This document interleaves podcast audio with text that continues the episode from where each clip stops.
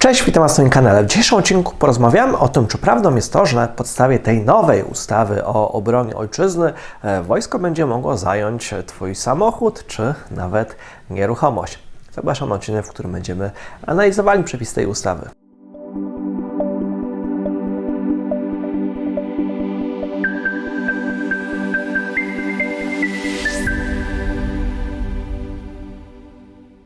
Słuchajcie, generalnie tak, są, faktycznie są takie przepisy o takich obowiązkach świadczeń rzeczowych, natomiast podobne przepisy są w obecnie obowiązującej ustawie o powszechnym obowiązku Rzeczypospolitej Polskiej. No natomiast generalnie w związku z tym, że ta ustawa o obronie ojczyzny zastąpi tą ustawę o powszechnym obowiązku Rzeczypospolitej Polskiej, to będziemy analizowali już te nowe przepisy, które będą obowiązywały e, teraz w zasadzie już od 23 kwietnia, bo ustawa o obronie ojczyzny właśnie miała wejść w życie w ciągu 30 dni od dnia jej ogłoszenia w Dzienniku Ustaw. Więc na podstawie artykułu 628 ustawy o obronie ojczyzny jestem ciekawy, czy posłowie w ogóle przeczytali tą całą ustawę. Generalnie całość ma około 830 artykułów, a to przyjęli w dosyć ekspresowym tempie, więc podejrzewam, że będzie dosyć sporo smaczków takich fajnych.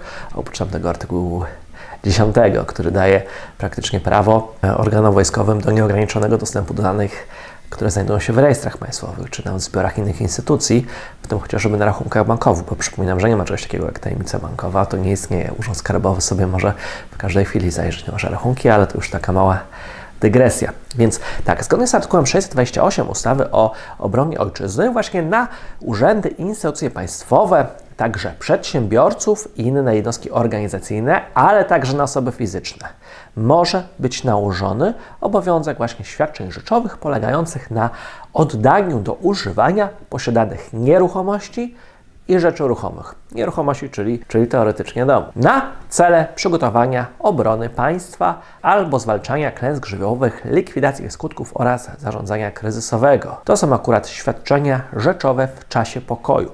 Odrębne artykuły mówią o świadczeniach rzeczowych czy osobistych w trakcie mobilizacji czy wojny.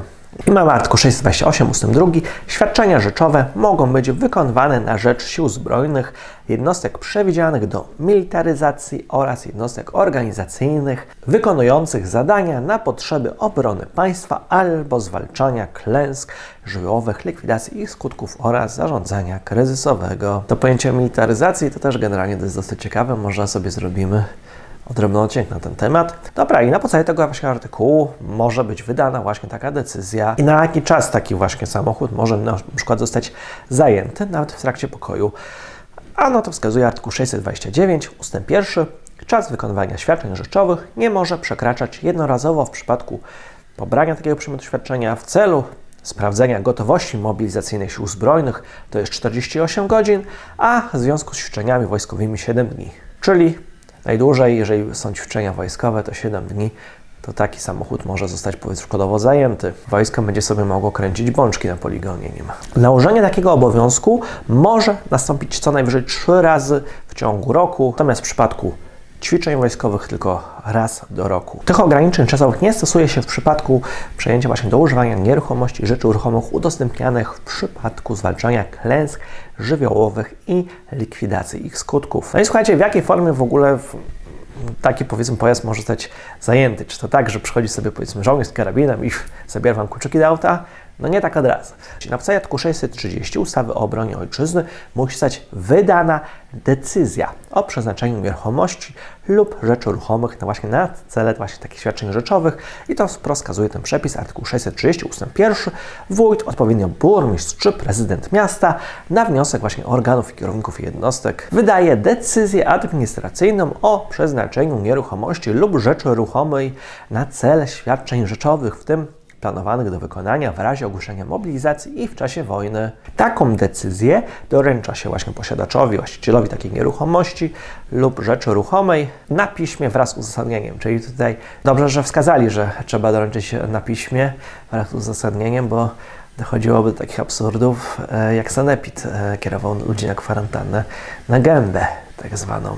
E, oczywiście taka decyzja polega zaskarżeniu. Od takiej decyzji e, taki właściciel rzeczy ruchomej, nieruchomości może wnieść odwołanie w terminie 14 dni od daty doręczenia decyzji. No i potem, co się dzieje z takim, powiedzmy, pojazdem, jeżeli już zostanie wydana taka decyzja, nie zostanie zaskarżona, zostanie uprawomocnione, zostaje ona sobie wpisana do ewidencji i w przypadku, gdy zajdzie potrzeba wykorzystania takiego pojazdu czy takiej nieruchomości, no to na podstawie artykułu 631 ustawy o obronie ojczyzny, posiadacz takiej rzeczy ruchomej, taki właściciel takiego pojazdu, wobec którego została wydana taka decyzja ostateczna, może zostać wezwany przez wójta, prezydenta czy burmistrza do wykonania właśnie takiego świadczenia, czyli do dostarczenia takiego pojazdu w stanie zdatnym do użytku. Posiadacz takiej rzeczy jest zobowiązany podstawie artykułu 630 ust. 1 oddać do używania przedmiot takiego świadczenia w terminie i w miejscu wskazanym w wezwaniu. Dodatkowo na takich posiadaczy, przykładowo takich pojazdów terenowych, które zostały wpisane do ewidencji, na podstawie artykułu 632 ciąży obowiązek do informowania właśnie wójta, burmistrza czy prezydenta o rozporządzeniu tą rzeczą. Czyli na przykład jeżeli byście ją sprzedali czy dali komuś innemu do korzystania w terminie właśnie 30 dni od dnia dokonania takiego rozporządzenia. Czyli jeżeli sprzedacie samochód, to musi w terminie 30 dni zgłosić coś takiego. Także w przypadku oddania takiego pojazdu na podstawie artykułu 633 ust. 1 właściciel takiej nieruchomości jest zobowiązany do wydania takiego przedmiotu świadczenia w stanie przydatnym do użytku wraz z dotyczącymi go dokumentami. Natomiast tutaj nigdzie nie jest, że tak powiedzmy, wskazany obowiązek, jak co podawały niektóre portale, że musi być zatankowany do pełna. E, wystarczy, że tam trochę generalnie paliwa będzie w tym zbiorniku i to wszystko, ale tutaj nikt przełącznikowy nie zobowiąże, żeby specjalnie jeszcze przed oddaniem go na przykład takiemu wojsku do używania, to żeby jeszcze specjalnie pędził na stację benzynową i go zatankował. To byłaby przesada.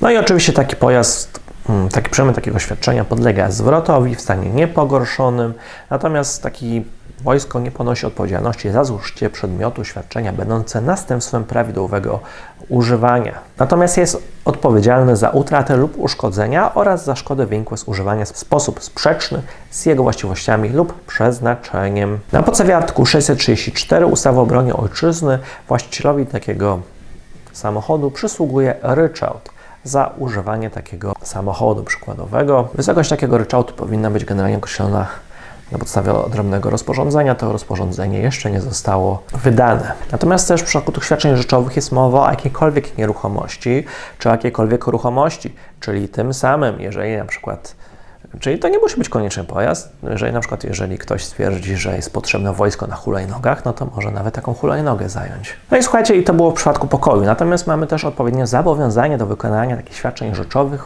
w czasie mobilizacji i w czasie wojny. To jest na podstawie artykułu 638 ust. 1. Organ administracji rządowej, organ samorządu terytorialnego, przedsiębiorcy i inne jednostki organizacyjne, organizacje społeczne oraz osoby fizyczne mogą być w razie ogłoszenia mobilizacji i w czasie wojny zobowiązane do wykonania świadczeń rzeczowych polegających na oddaniu posiadanych nieruchomości i rzeczy ruchomych do używania przez siły zbrojne lub jednostki organizacyjne wykonującej zadania na potrzeby obrony państwa. Oczywiście takie przedmioty podlegają zwrotowi po ustaniu potrzeby ich używania. W tym wypadku również jest potrzebna decyzja taka, która zostaje wydawana przez wójta, burmistrza czy prezydenta miasta, natomiast takiej decyzji nadaje się wtedy rygor natychmiastowej wykonalności w terminie w niej określonym.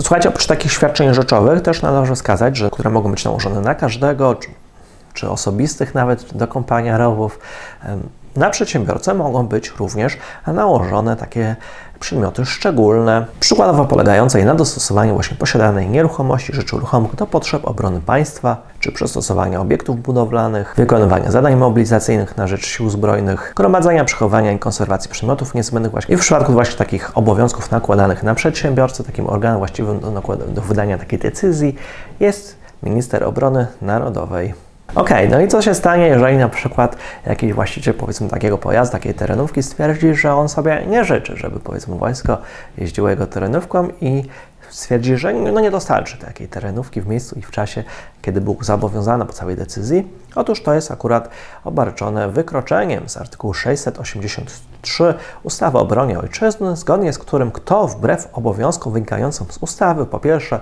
uchyla się od wykonania obowiązku świadczenia osobistego lub rzeczowego, po drugie nie zawiadamia właściwego organu o rozporządzeniu nieruchomością lub rzeczą ruchomą przeznaczoną na cele świadczeń rzeczowych, podlega karze aresztu albo karze grzywny, czyli mam do czynienia tutaj z wykroczeniem.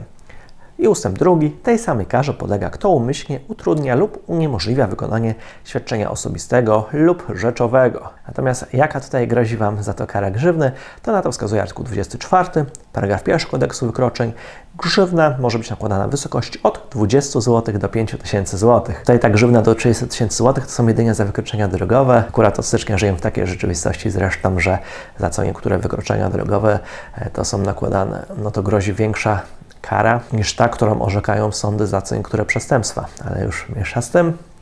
Natomiast w jakiej wysokości to może być grzywna? Tutaj na to wskazuje artykuł 24, paragraf 3, zgodnie z którym wymierzając grzywnę bierze się pod uwagę dochody takiego sprawcy, jego warunki osobiste i rodzinne, stosunki majątkowe i możliwości zarobkowe.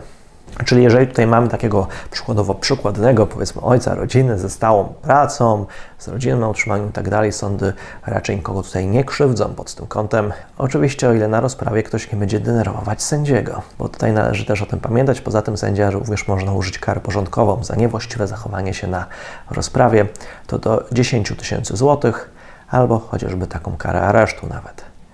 Więc tak na marginesie, oprócz tego, co grozi za wykroczenie. Natomiast generalnie takie ogólne dyrektywy wymiaru kary, właśnie na to wskazuje artykuł 33, paragraf 1 kodeksu wykroczeń, zgodnie z którym organ orzekający wymierza karę wedle swojego uznania w granicach przewidzianych przez ustawę za dane wykroczenie, orzekając stopień społecznej szkodliwości czynu i biorąc pod uwagę cele kary w zakresie społecznego oddziaływania oraz cele zapobiegawcze i wychowawcze, które ona ma osiągnąć w stosunku do ukaranego.